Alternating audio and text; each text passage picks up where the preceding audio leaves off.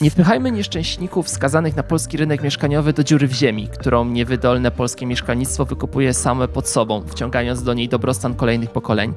Takimi słowami kończy swoją najnowszą książkę mój dzisiejszy rozmówca, który przyjrzał się zjawisku patodeweloperki w polskim wydaniu kto jest w naszym kraju patodeweloperem, czymże ta wspomniana patologia się objawia i czy dysponujemy przysłowiowym batem na deweloperów? Nazywam się Jakub Kucharczuk i w najnowszym Międzymiastowo, podcaście miejskim Klubu Jagiellońskiego, rozmawiam z Łukaszem Drozdą, autorem mającej właśnie premierę książki Dziury w ziemi, patodeweloperka w Polsce. Międzymiastowo, podcast miejski Klubu Jagiellońskiego. Patodeweloperka to realny problem, często zbywany śmiechem, tak jakby ograniczał się do arogancji indywidualnych inwestorów. Tymczasem wymaga on znacznie uważniejszego spojrzenia i o tym właśnie jest e, Twoja książka, o której dzisiaj porozmawiamy. E, zacznijmy więc może od tego, skąd w Polsce wzięło się zjawisko patodeweloperki i kiedy zorientowaliśmy się, jak źle się urządzamy. Patodeweloperka jako pojęcie nie jest do końca łatwa do zdiagnozowania, kiedy się właściwie po raz pierwszy ten termin e, pojawił. Na pewno możemy mówić o popularyzacji tego określenia w ciągu ostatnich kilku lat. Myślę, że tak mniej więcej 3 do 4 lat to jest ten czas, kiedy e, dużo publikacji na temat patodeweloperki się pojawia, kiedy ten termin e, powszechnie trafił do mediów społecznościowych. Myślę, że tutaj szczególną rolę w jego popularyzacji odegrał e, Jan Śpiewak, chociaż nie jest on e, z pewnością pierwszą osobą, która tego terminu używała, ponieważ już wcześniej e, no, ten termin przywijał się przez chociażby rozmaite dyskusje dostępne w sieci. Niemniej, kiedy, kiedy patodeweloperka się pojawiła, no tak naprawdę można by powiedzieć, że pojawiła się wcześniej niż zaczęliśmy ją w ten sposób nazywać. Pojawiła się w związku z upowszechnieniem się budownictwa deweloperskiego, które w Polsce ma właściwie hegemoniczną rolę, to znaczy niespecjalnie istnieją jacykolwiek konkurenci, jeżeli chodzi o dostarczanie mieszkań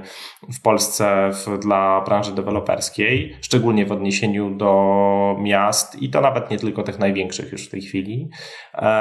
Wobec czego y, patodeweloperka y, to jest, to jest opis szeregu nieprawidłowości, które, które mają dość powszechny charakter i rzeczywiście stykamy się z nimi od myślę mniej więcej 20 lat, e, wtedy kiedy deweloperzy rzeczywiście wypadli już e, z rynku mieszkaniowego e, wszystkich pozostałych aktorów. No jeszcze trzyma się budownictwo jednorodzinne, ale ono nie jest też równomiernie rozmieszczone geograficznie w przypadku, tak jak powiedziałem, dużych ośrodków. Deweloperzy odpowiadają za ponad 90, a w niektórych przypadkach nawet zbliża się, zbliża się ten udział ich w liczbie oddawanych nowo do użytku mieszkań do 100%. E, mm, w związku z tym e, to jest kwestia ostatnich dwóch dekad, e, a kiedy się zorientowaliśmy w tej, w tej materii, bo też, też o to pytałeś, no to powiedziałbym, że w ciągu ostatnich paru lat chyba coraz powszechniej i coraz chętniej e, krytykujemy wady budownictwa mieszkaniowego, bo chyba zaczęliśmy od niego oczekiwać trochę więcej. A myślę, że też takim bardzo istotnym wydarzeniem, e, jeżeli chodzi o to, jak postrzegamy przestrzeń, w której mieszkamy,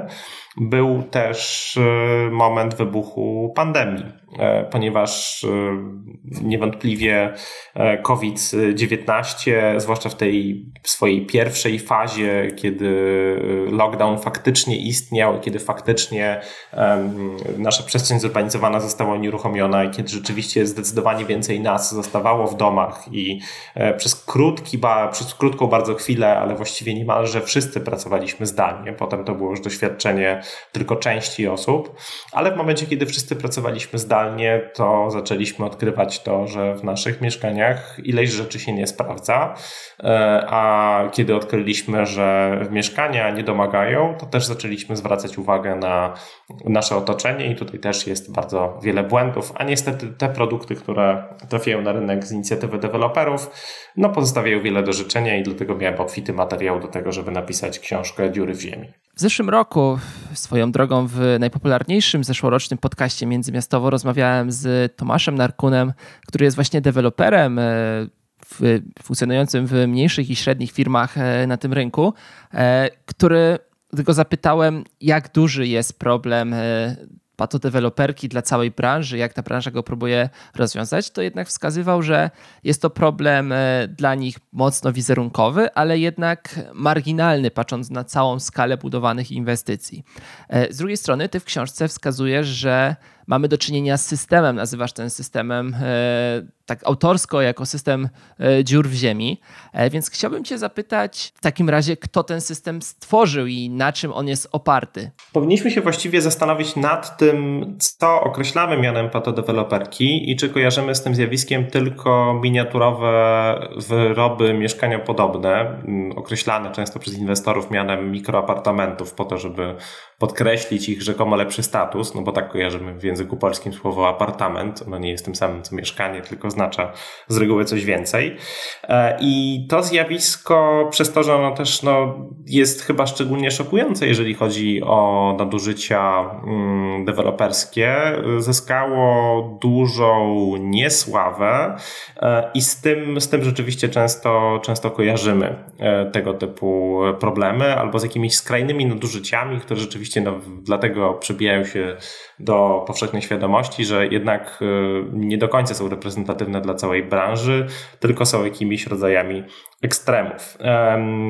Kiedy spojrzymy sobie na przykład na skalę całego budownictwa deweloperskiego, no to te niesławne e, mieszkaniopodobne małe twory to jest jakiś skromny udział w całości rynku. I z punktu widzenia branży rzeczywiście można powiedzieć, że no to są jakieś e,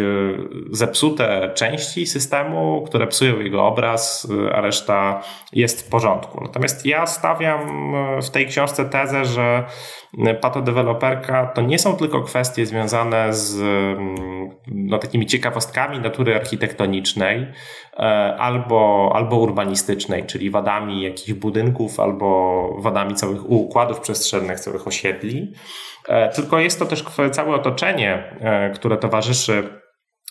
temu zjawisku i dlatego właśnie rozumiem to jako system, no bo system z siłą rzeczy składa się z jakiegoś mechanizmu połączonych ze sobą elementów. E, I w tymże systemie mm, można, można zobaczyć e, wiele problemów, które tyczą się także kwestii tego, jak e, mieszkania są finansowane, albo jak są dostępne, czy też jak są niedostępne, a to też wynika z realiów finansowych, w jakich funkcjonuje polski rynek mieszkaniowy. I przede wszystkim e, jest to związane z brakiem jakiejkolwiek konkurencyjnej oferty wobec deweloperów, bo wiele osób jest zwyczajnie przymuszonych do tego, żeby kupować mieszkania, ponieważ inne rozwiązania niby w teorii w polskiej polityce mieszkaniowej występują, ale pełnią tak marginalną rolę, e, że właściwie trudno byłoby powiedzieć, że, że są jakoś istotne. E, myślę, że podstawowym winowajcą w tej materii e, nie jest jakiś spisek deweloperski z jednym złym, który tym wszystkim steruje i prowadzi idealnie skoordynowane praktyki lobbyingowe, e, bo oczywiście moglibyśmy też mówić o nieprawidłowościach tego rodzaju, powiązaniach deweloperów ze światem polityki i tak dalej, ale myślę, że przede wszystkim winnym jest, e, jest władza. Władza różnych szczebli, która nie traktuje polityki mieszkaniowej jako priorytetu. Pozostawia to ten problem samemu sobie, a tym samym sobą są deweloperzy, którzy wchodzą w tę lukę i organizują naszą przestrzeń mieszkaniową. Problemem jest to, że w Polsce deweloperzy odgrywają taką, taką istotną rolę. Ja nie chcę tutaj strzelać zbyt wieloma liczbami, żeby zanudzać słuchaczy, ale myślę, że e, takie porównanie na przykład między tym, ile oddano w 2022 roku, zdaniem GUS-u, w Polsce mieszkań zakładowych, e, które mogłyby budować jakieś przedsiębiorstwa jako świadczenia pracownicze, a liczbą mieszkań e, oddanych do użytku przez deweloperów jest dość uderzającą statystyką. To znaczy, zdaniem GUS-u w ubiegłym roku e, wybudowano w Polsce jedno mieszkanie zakładowe, jedno w 38 około milionowym państwie, a jeżeli chodzi o produkcję deweloperską, to ona przekroczyła poziom 140 tysięcy. I podkreślam, w tych mieszkaniach oficjalnie liczonych przez GUS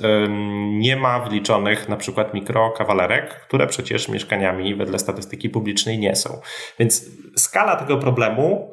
pokazuje nam to, że to nie jest jakaś jednostkowa decyzja, to nie są pojedyncze problemy, tylko cały system mm, jest zorganizowany w zły sposób i brakuje tutaj woli politycznej, aby przeciwdziałać temu problemowi. W takim razie chciałbym Cię chyba poprosić o wskazanie takiego najbardziej może nie wiem, obrazowego przykładu patodeweloperki w Polsce, na który się natknąłeś, gdy pisałeś swoją książkę? No bo pewnie każdy jakiś kojarzy, ale co Twoim zdaniem jest takim przykładem, który najlepiej ujmuje to zjawisko, o którym mówimy? Myślę, że można by właśnie wskazać na te trzy poziomy związane z patodeweloperką, tak jak ja to rozumiem, czyli po pierwsze kwestie wokół architektury, po drugie wokół urbanistyki, a po trzecie wokół tego otoczenia społeczno-gospodarczego i właściwie do każdej z tych płaszczyzn dopasować e, jakiegoś typu zjawisko. Więc jeżeli chodzi o architekturę, to niewątpliwie niewątpliwie byłyby to problemy z, z, z takim sknerstwem, jeżeli chodzi o dysponowanie powierzchnią mieszkalną e, którego no, absolutnie ekstremalną formą jest e, najmniejsze e, pseudomieszkanie w Polsce liczące 2,5 metra kwadratowego, czyli równo 10 razy mniej niż dopuszczają przepisy i tak zresztą niezbyt wyśrubowane, mówiące o tym, ile minimalnie może mieć mieszkanie w Polsce. E, jeżeli chodzi o tę płaszczyznę urbanistyczną, no to powiedziałbym, że zjawisko grodzonych osiedli, ale w ogóle grodzenia, które mm, rodzi ze sobą szereg problemów i y, w tej, w tej materii no, te najsłynniejsze chyba miniaturowe place zabaw zlokalizowane na parkingach, y, w których y, no, ktoś padł na pomysł, żeby produkty wyglądające jak spacerniaki miały realizować szczęśliwe dzieciństwo kolejnych pokoleń młodych Polaków, pokazując, że internetowe żarty o chowie klatkowym kolejnych polskich generacji są e, jak najbardziej trafnymi dowcipami. E, a jeżeli chodzi o otoczenie społeczno-gospodarcze, no to użyłbym tutaj e, przykładu cen mieszkań i przypadek z Sopotu, gdzie cena metra kwadratowego dobiła do 60 tysięcy złotych, to chyba, chyba byłby też najbardziej skrajny, skrajny przypadek. Myślę, że właśnie mm, w przypadku patodeweloperki dużo za mało mało, zdecydowanie za mało uwagi poświęcamy kwestiom e, powiązanym z dostępem do, do mieszkań i tym, że w wielu wypadkach e, poza absolutnie najzamożniejszymi warstwami społecznymi e, większość ludzi może i tak wybierać tylko w gorszych ofertach pojawiających się na rynku, no a te gorsze oferty często obfitują w tego typu kwiatki, jak właśnie te bujaki pojedynczo zainstalowane w klatkach na parkingach, czy, czy mieszkania z jakimiś dziwnymi rozkładami umieszczonymi w paskudnie wyglądających budynkach. Pewnie całą księgę można by było zbudować z przykładów tak zwanych trików y, i tak zwanych przykładów e, bajerowania tego, jak klienci są naciągani na e, poszczególne, czy to apartamenty, mieszkania, domy i tak dalej. E, ale chciałbym Cię zapytać, czy przez to, że ta sytuacja na rynku mieszkaniowym przez ostatnie lata wyglądała jak wyglądała, czyli że kupywało się te wspomniane przez ciebie dziury w ziemi, bo tylko to była szansa na zakup wymarzonego mieszkania, bo wszystko schodziło na pniu. E, czy to spowodowało, że pracownicy, czy to firm sprzedażowych, oferujących mieszkania, pośrednicy, ale też e, samych firm deweloperskich, którzy przecież też mają swoje oddziały sprzedażowe, e, przyjęli te wszystkie dosyć naganne przecież moralnie triki jako standard w branży i jako coś, co każdy e, w pierwszym dniu pracy powinien się nauczyć? Czy Twoim zdaniem są firmy, które jednak tych zasad moralnych w jakiś sposób przestrzegają? Po pierwsze, powiedziałbym, e, starając się odpowiedzieć na to pytanie, że e, starałbym się odpowiedzieć w taki sposób, mówiąc, że nie do końca łatwo jest mówić o firmach, które mają same moralne, moralnie naganne praktyki. E, znaczy, oczywiście pewnie znaleźlibyśmy takie przykłady. No, nawet w tej chwili już przychodzą jakieś do głowy, ale może nie jest to najlepszy pomysł, żeby akurat wymieniać je z nazwy, bo jeszcze ktoś mógłby się za to specjalnie obrazić. E, niemniej e, często problemem jest to, że e, te same firmy albo te same na przykład uznane pracownie architektoniczne, które robią produkty nie budzące jakichś zastrzeżeń od strony jakości projektu, mm, całego pomysłu, który towarzyszy idei wybudowania takich osiedli, to w przypadku niektórych z tych osiedli jest sporo, sporo problemów. Pracownie architektoniczne, które słyną z otrzymywania nagród za swoje niektóre projekty, innym razem potrafią manipulować wizualizacjami, które przygotowują E, dla e, firm deweloperskich przy okazji inwestycji e, realizowanych w postaci na przykład obiektów, które w których otoczeniu nie mówi się o występowaniu linii wysokiego czy średniego napięcia, a pokazuje tereny zielone. Nie wykonałem jakiejś pracy etnograficznej. Myślę, że to jest bardzo ciekawy pomysł na badanie, żeby sprawdzić e, to, w jaki sposób e, przygotowuje się e, pracowników branży deweloperskiej do tego, żeby sprzedawać te mieszkania, ale, ale niewątpliwie powszechność tego typu praktyk ilustruje, że z jakimś e, problemem e, mamy do czynienia. E, no, niewątpliwie kwestie sprzedawania kota w worku w postaci tych mieszkań jako dziur w ziemi, to jest jedno ze znaczeń, takich chyba najbardziej oczywiste, które wiąże z tym pojęciem. No, to wszystko przywodzi nam na myśl to, że, e, że rzeczywiście coś jest, coś jest na rzeczy. E, te, te manipulacje na wizualizacjach to nie są jednostkowe przypadki, to jest dość powszechny problem i on zdarza się nie tylko jakimś małym podmiotom, tylko również większym, e, większym graczom na rynku. No, absolutnym standardem jest to, że wizualizacje y, polskich mieszkań, które jeszcze nie powstały, na siłą rzeczy wtedy plany i wizualizacje są jedynymi rzeczami, do których możemy się odnieść, no nie podają chociażby wymiarów y, powierzchni mieszkań. W związku z tym y, klienci, którzy nie są podejrzliwi albo no nie są uważni, nie posiadają fachowej wiedzy na temat rozwiązań projektowych, no dają się nabrać, no bo kupują mieszkanie, w którym są przekonani, że umieszczał e, dwie kanapy i monstrualny telewizor, a potem okazuje się, że e, pomieszczenie raczej odpowiada wymiarowi mm, jednego bądź dwóch foteli, e, do których trudno jest cokolwiek więcej dostawić. Przechodząc do kolejnego wątku, jednym z najciekawszych, przynajmniej dla mnie, wątków w książce, rozdziałów w książce jest ten poświęcony polskiemu rynkowi i próbie opisania tego, kto jest kim na tym rynku. Wiemy doskonale, że przez te ostatnie lata prosperity na rynku mieszkaniowym e, w liczbę firm obrodziło. To są duży rodzimi gracze, e, to są też duże zagraniczne firmy. Pojawiały się pierwsze fundusze, które przez e, lata u nas były jakby obiecywały, że będą wchodzić, ale długo nie wchodziły. W ostatnich latach się pojawiły w końcu, albo dopiero. Ale chciałbym Cię prosić, żebyś trochę na przykładach właśnie tych największych graczy e, pokazał, jak rozkładają się te interesy na rynku deweloperskim i którzy deweloperzy czym się wyróżniają, bo często znamy nazwy. Jeżeli ktoś e, kupywał jakieś mieszkanie, no to pewnie robił sobie takie większe rozeznanie, e, ale oni na polskim jakby przestrzeni medialnej, też dyskusji o rynku mieszkaniowym, deweloperzy funkcjonują zazwyczaj jako taka zbiorowość, a nie konkretni gracze z konkretnymi interesami. Mógłbyś to trochę rozpisać? No, gdyby powiedzieć o tym, kto jest najważniejszym graczem na polskim rynku mieszkaniowym, to, to oczywiście można by wymienić parę firm, kierując się tym, ile kto wybudował mieszkań w danym roku. Te statystyki są trochę zmienne, bo trudno jest powiedzieć na przykład, kto jest największym polskim deweloperem. W różnych latach e, różnego typu podmioty e, zwyciężają w tej rywalizacji o to, kto, kto, kto odda do użytku najwięcej mieszkań albo kto spocznie najwięcej budów. No, jest oczywiście parę takich firm, które się przywijają przez wiele lat i można uznać ich za, za stabilnych graczy. No to, no to będzie, nie wiem, Echo Investment, to będzie e, Dom Development czy J2 Construction. I właśnie na tych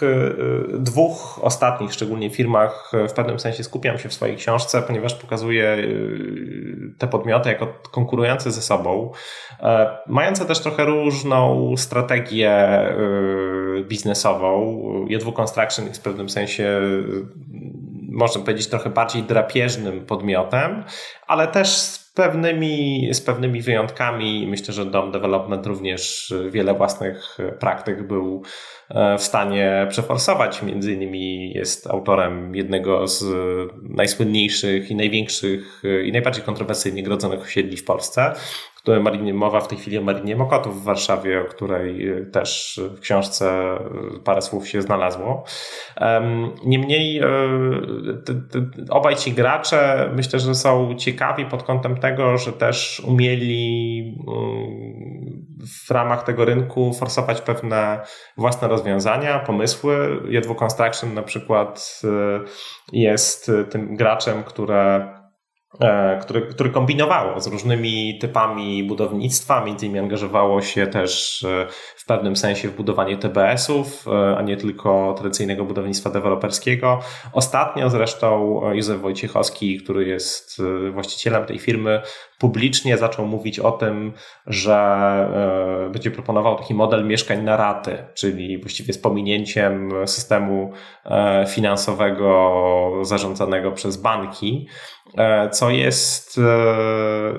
z pewnej strony ciekawie brzmiącą innowacją, ale tak naprawdę też trochę e, jakby cofnięciem rozwoju, jeżeli chodzi o finansowanie nieruchomości. Mm, i przywodzi na myśl to, co się dzieje za naszą wschodnią granicą, gdzie e, rynek e, finansowania kredytów e, hipotecznych nie istnieje w takiej formie jak u nas. Nie, mam na myśli tutaj tylko zmiennych stóp,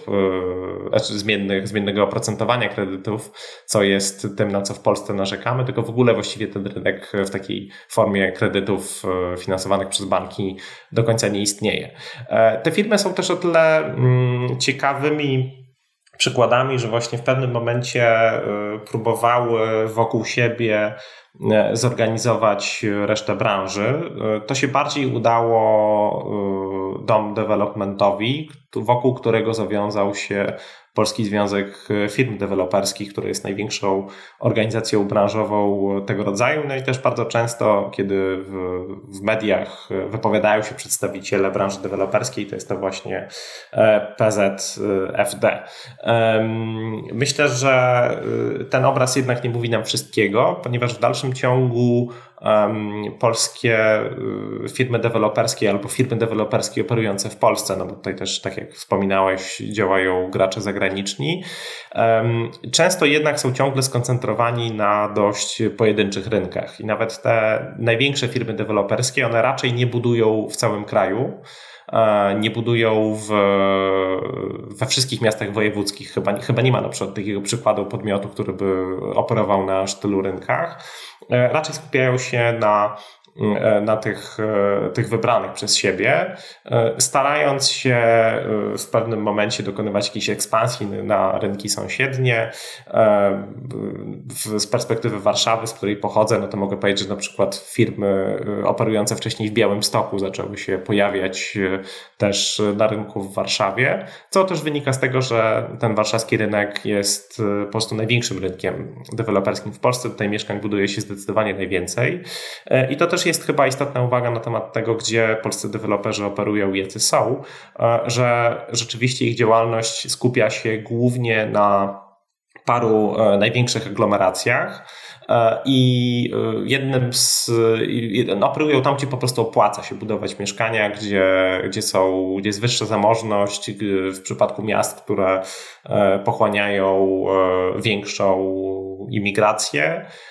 E, I mowa tutaj również przede wszystkim o migracjach wewnętrznych. No oczywiście Warszawa, Kraków i Wrocław się do tej kategorii zaliczają. Trochę w mniejszym stopniu Łódź, która ma, ma trochę problemów w zakresie swojej polityki mieszkaniowej, e, co, te, co nie oznacza, że nie jest to duży rynek deweloperski jak na polskie realia, ale nie aż tak duży, jakby wskazywała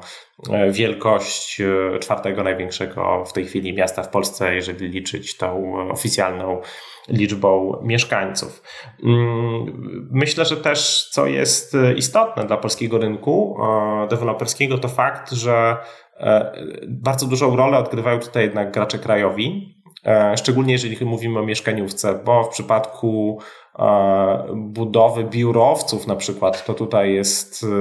chyba większy jednak udział podmiotów zagranicznych. Natomiast jeżeli chodzi o polską mieszkaniówkę, to tutaj bardzo dużą rolę odgrywają firmy, firmy polskie takiego naprawdę globalnego e, gracza mm, w postaci jakiejś instytucji finansowej, która byłaby zainteresowana E, polską, e, polską branżą mieszkaniową. Mieliśmy do tej pory chyba jednego. To był e, Goldman Sachs, który w pewnym momencie przejął jednego z polskich deweloperów, ale przejął go dostrzegając po prostu dobrą okazję inwestycyjną.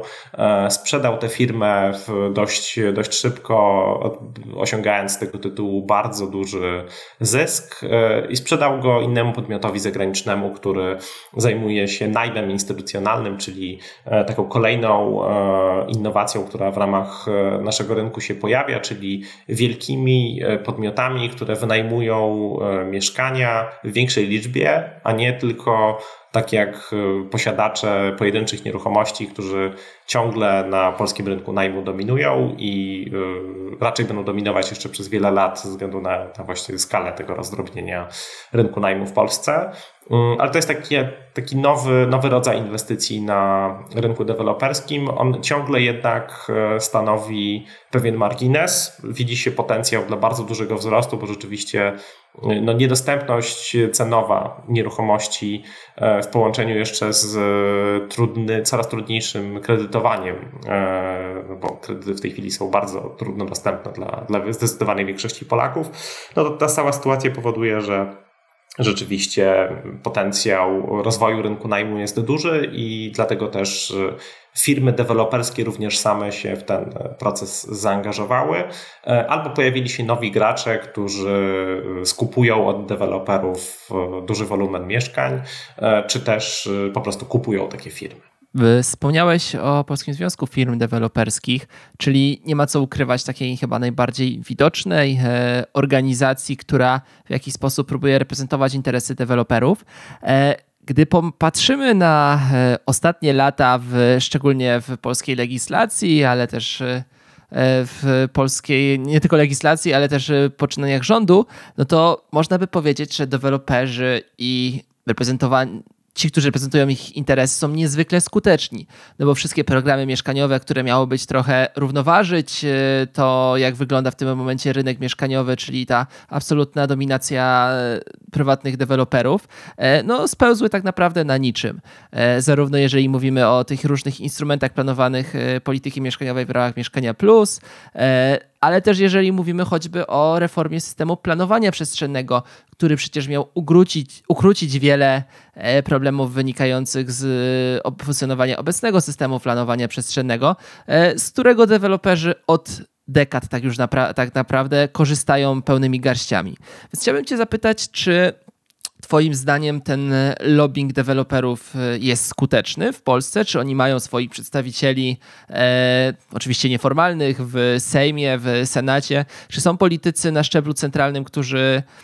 którym, którym bliscy, są, e, bliscy są interesy właśnie deweloperów, czy to raczej nieudolność rządzących, czy poszczególnych polityków prowadzących konkretne zmiany legislacyjne powoduje, że ten rynek wygląda wciąż jak wygląda? Powiedziałbym, że jedno i drugie, e, że nie widzę właściwie sprzeczności między, między tymi zagadnieniami, bo e, Mam wrażenie, że teoria spiskowa, bo taką teorią spiskową trochę byłoby myślenie o tym, że wszystko, co jest związane z nieprawidłowościami w polskiej polityce mieszkaniowej, czy nawet szerzej rozumianej polityce miejskiej, wynika z wpływu deweloperów. E, no, ta teoria spiskowa może się sprawdzać, bo niektóre teorie spiskowe mają e, swoją sprawdzalność, natomiast z reguły wadą samej konstrukcji teorii spiskowych jest to, że one skupiają się na bardzo e, dużych i daleko idących uproszczeniach, czyli pokazują tylko niektóre elementy pewnych procesów, albo są w stanie wytłumaczyć tylko niektóre elementy tych procesów, a próbują e, na podstawie tych, e, tych, tych fragmentów e, prawdy tłumaczyć całą złożoność zjawisk. Tak na obronę tej teorii spiskowej, którą roztoczyłem, no chciałbym wskazać, że na wielu lokalnych rynkach politycznych, w samorządach lokalnych, w radach miasta bardzo łatwo byłoby wskazać polityków, radnych, którzy bardzo mocno reprezentują interesy poszczególnych deweloperów, którzy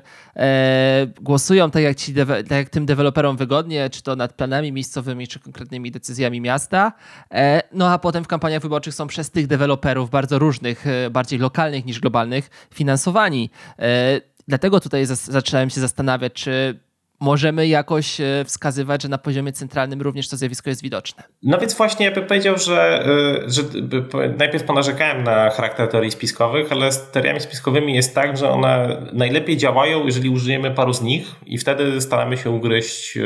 taki problem bardziej całościowo. I możemy zauważyć, że w przypadku skomplikowanych e, zjawisk, e, skomplikowanych polityk publicznych, właśnie tego typu e, wyjaśnień powinniśmy poszukiwać, ale od paru stron.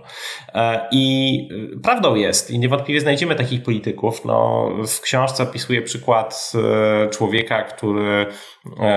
pracował w, mieszał doświadczenia polityczne z doświadczeniem pracy w E, firmie deweloperskiej należącej do jednego z najbogatszych Polaków. E, i dosłownie no, pełnił funkcję ministra odpowiedzialnego za budownictwo e, pomiędzy pracowaniem na etacie dyrektorskim w poznańskim oddziale firmy deweloperskiej, więc niewątpliwie taki wpływ jest i zarówno na poziomie E, operowania na publicznie dostępnych danych możemy wskazać z imienia i nazwiska poszczególne osoby, e, które dałoby się skojarzyć jako lobbystów branży deweloperskiej. I mówię właśnie tutaj tylko o poziomie operowania takimi otwartymi informacjami, a nie dziennikarstwa śledczego, którego w tej książce nie uprawiam. No, po prostu dziennikarzem śledczym nie jestem i moją ambicją jest e, przedstawienie E, systemu, wyjaśnienie jego złożoności, wyjaśnienie tego, w jaki sposób on działa, niekoniecznie identyfikowanie wszystkich e, ukrytych sieci i powiązań, które często po prostu dzięki też działalności mediów czy, czy ruchów miejskich są wyciągane na wierzch. I oczywiście nie da się uniknąć tego, tego sposobu wyjaśniania problemów z polską polityką mieszkaniową i z ekspansją branży deweloperskiej, bo niewątpliwie e, te podmioty odgrywają w tym zakresie e, naprawdę, naprawdę bardzo istotną rolę. E, niemniej też, też jednak wydaje mi się, że ta kwestia nieudolności, którą, do której też się odwołałeś, jest naprawdę nieprzypadkowa i stanowi nie jakiś marginalny element całego systemu, tylko jedną z jego fundamentalnych części, mm, ponieważ trochę trudno trudno byłoby mi inaczej wyjaśnić e, no, klapę takich programów jak e, ta idea wybudowania 100 tysięcy mieszkań w Polsce, która z pozoru brzmi jak no, jakiś niebezpieczny konkurent dla branży deweloperskiej, ale w praktyce, jeżeli mówimy o 100 tysiącach mieszkań budowanych w perspektywie paru lat, e, nie wybudowanych zresztą finalnie, pomimo e, tego, że bardzo kreatywnie decydenci podchodzą do tego, kiedy określają czas realizacji tego programu, bo on już się o bodajże 4 lata w tej chwili opóźnia względem tych wstępnych założeń. Mm, to te 100 tysięcy mieszkań w porównaniu do produkcji deweloperskiej, która faktycznie dobija do poziomu 150 tysięcy w skali rocznej, e, a tam była mowa przecież o horyzoncie paroletnim, e, to nie jest aż tak dużo i poza tym e, deweloperzy w Polsce nie dokonali aż tak silnej ekspansji na, na rynki mniejszych ośrodków. A to właśnie tam często buduje się mm, mieszkania w ramach, realizowane w ramach Mieszkania Plus. E, na, tak na marginesie przecież połowa polskiej e, produkcji mieszkań komunalnych e, w ubiegłym roku została wybudowana w postaci jednego osiedla we Włocławku, który no nie jest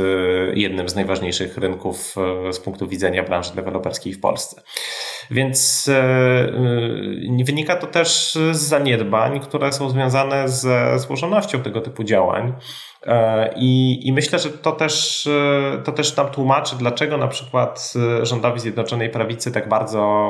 wszystko w zakresie polityki mieszkaniowej nie wychodzi bo o ile realizowanie prostszych programów, które nie wymagają powoływania skomplikowanych instytucji albo wymagają tylko pozyskania finansowania dla transferów socjalnych, takich jak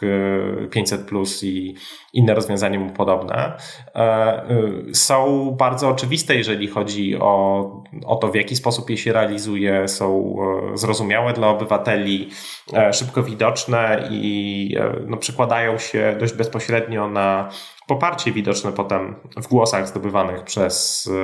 ugrupowania rządzącej koalicji. E, ale w przypadku polityki mieszkaniowej, co do której wiele osób też miało takie wrażenie, że no jeżeli e, rząd Zjednoczonej Prawicy to rozwiąże, to poparcie dla PiSu będzie orbitować i e, no, opozycja w ogóle nie będzie miała żadnej szansy rywalizować z tak efektywną władzą. Ale tej władzy to nie wychodzi, no bo kwestia zorganizowania polityki mieszkaniowej to jest, y, to jest zadanie bardzo trudne i mm, powiedziałbym dużo trudniejsze niż zorganizowanie wyborów kopertowych albo innych e, mm, wydarzeń, które, jak wiadomo, no nie zawsze obecnej władzy się udawały w realizacji. W takim razie, zbliżając się już do końca naszej rozmowy, e, chyba ten ostatni wątek e, pociągnę. Mm, w jaki sposób możemy, oczywiście poza E, tymi działaniami rządzących i przygotowaniem alternatywnej oferty mieszkaniowej, e, jednak przekonywać, czy też bardziej zmuszać deweloperów do tego, żeby ich oferta e, była bardziej atrakcyjna? Czy w tym momencie, gdy ten rynek sprzedaży się załamał, pojawiają się jakieś nadzieje, że że ci deweloperzy, pojawią się deweloperzy, może nie wszyscy, ale że pojawią się jacyś prekursorzy, którzy będą chwalili się tym, że oferują dobre osiedle, e, dobrze skomunikowane, e, też przede wszystkim dobrej jakości, tak? bo komunikacja rzadko jest zależna od deweloperów, zazwyczaj realizują mniejsze inwestycje, ale że to będzie osiedle z zielenią, osiedle z e, dobrą jakością wykonania, gdzie nie będziemy słyszeć e, wszystkiego, o czym rozmawiają sąsiedzi, czy to raczej złudne nadzieje i jeżeli prawo się nie zmieni, to ci deweloperzy, gdy tylko sytuacja się poprawi, będą sprzedawać dokładnie takie same mieszkania jak wcześniej? Znaczy ja absolutnie nie widzę żadnych możliwości poprawy jakości deweloperskiej za pomocą innych instrumentów niż e, zwiększenie konkurencji i, e, i zwiększenie regulacji, i, e, a przez zwiększenie regulacji też rozumiem po prostu ich wykonalność, ich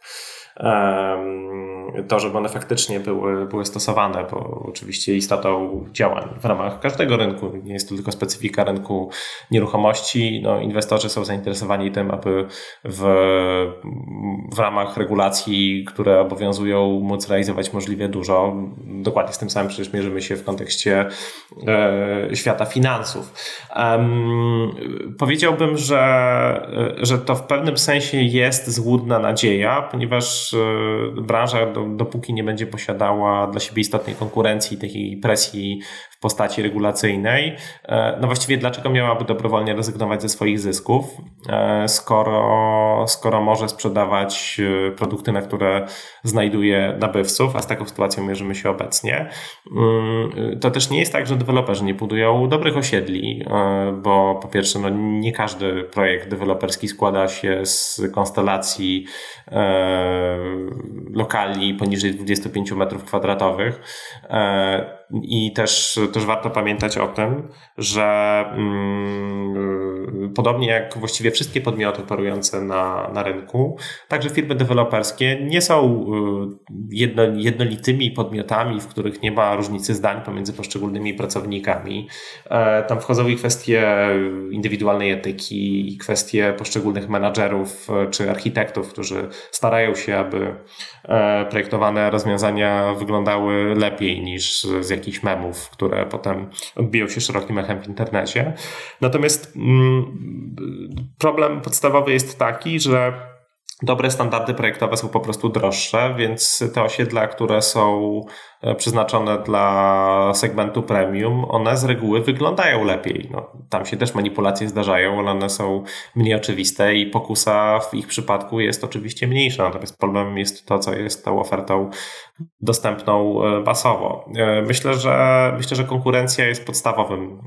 mechanizmem, za pomocą którego deweloperzy powinni konkurować jakością, ale przy skali niedoborów mieszkaniowych e, e, oraz faktu, że deweloperzy na zmniejszoną koniunkturę też reagują jednak po prostu zmniejszeniem produkcji e, mieszkań, oddają ich mniej do użytku, mniej budów zaczynają, no to konkurencja nie może polegać tylko na tym, że stworzymy więcej, znaczy, że na rynku pojawi się więcej podmiotów i będziemy wierzyć w to, że jako jedyne miejsce na świecie rozwiążemy problemy mieszkaniowe bez interwencji publicznej. Myślę, że ta konkurencja powinna polegać na tym, żeby powstawały inne podmioty, czyli żeby TBS-ów budowano więcej niż półtora do dwóch tysięcy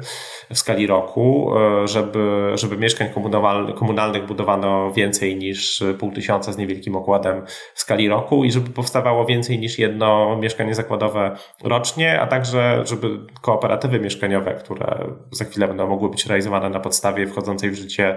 E, nowej ustawy e, też e, występowały liczniej niż w trzech miejscach w Polsce, bo właściwie taki jest mniej więcej obecny stan rozwoju tego, no, te, te, tego instrumentu mieszkaniowego. Więc myślę, że problemem jest to, że w tej chwili ta dysproporcja sił jest tak ogromna, no tak jak używałem tego przykładu 150 tysięcy versus 1 w przypadku porównania oferty deweloperów i, e, i tych mieszkań zakładowych. E, tego typu dysproporcje e, no, z powodu, jeżeli będą istnieć dalej, to, to dalej te rozwoje, warunki rozwoju dla branży deweloperskiej będą na tyle szklarniowe, że trudno będzie mówić o jakiejś presji wymuszającej poprawę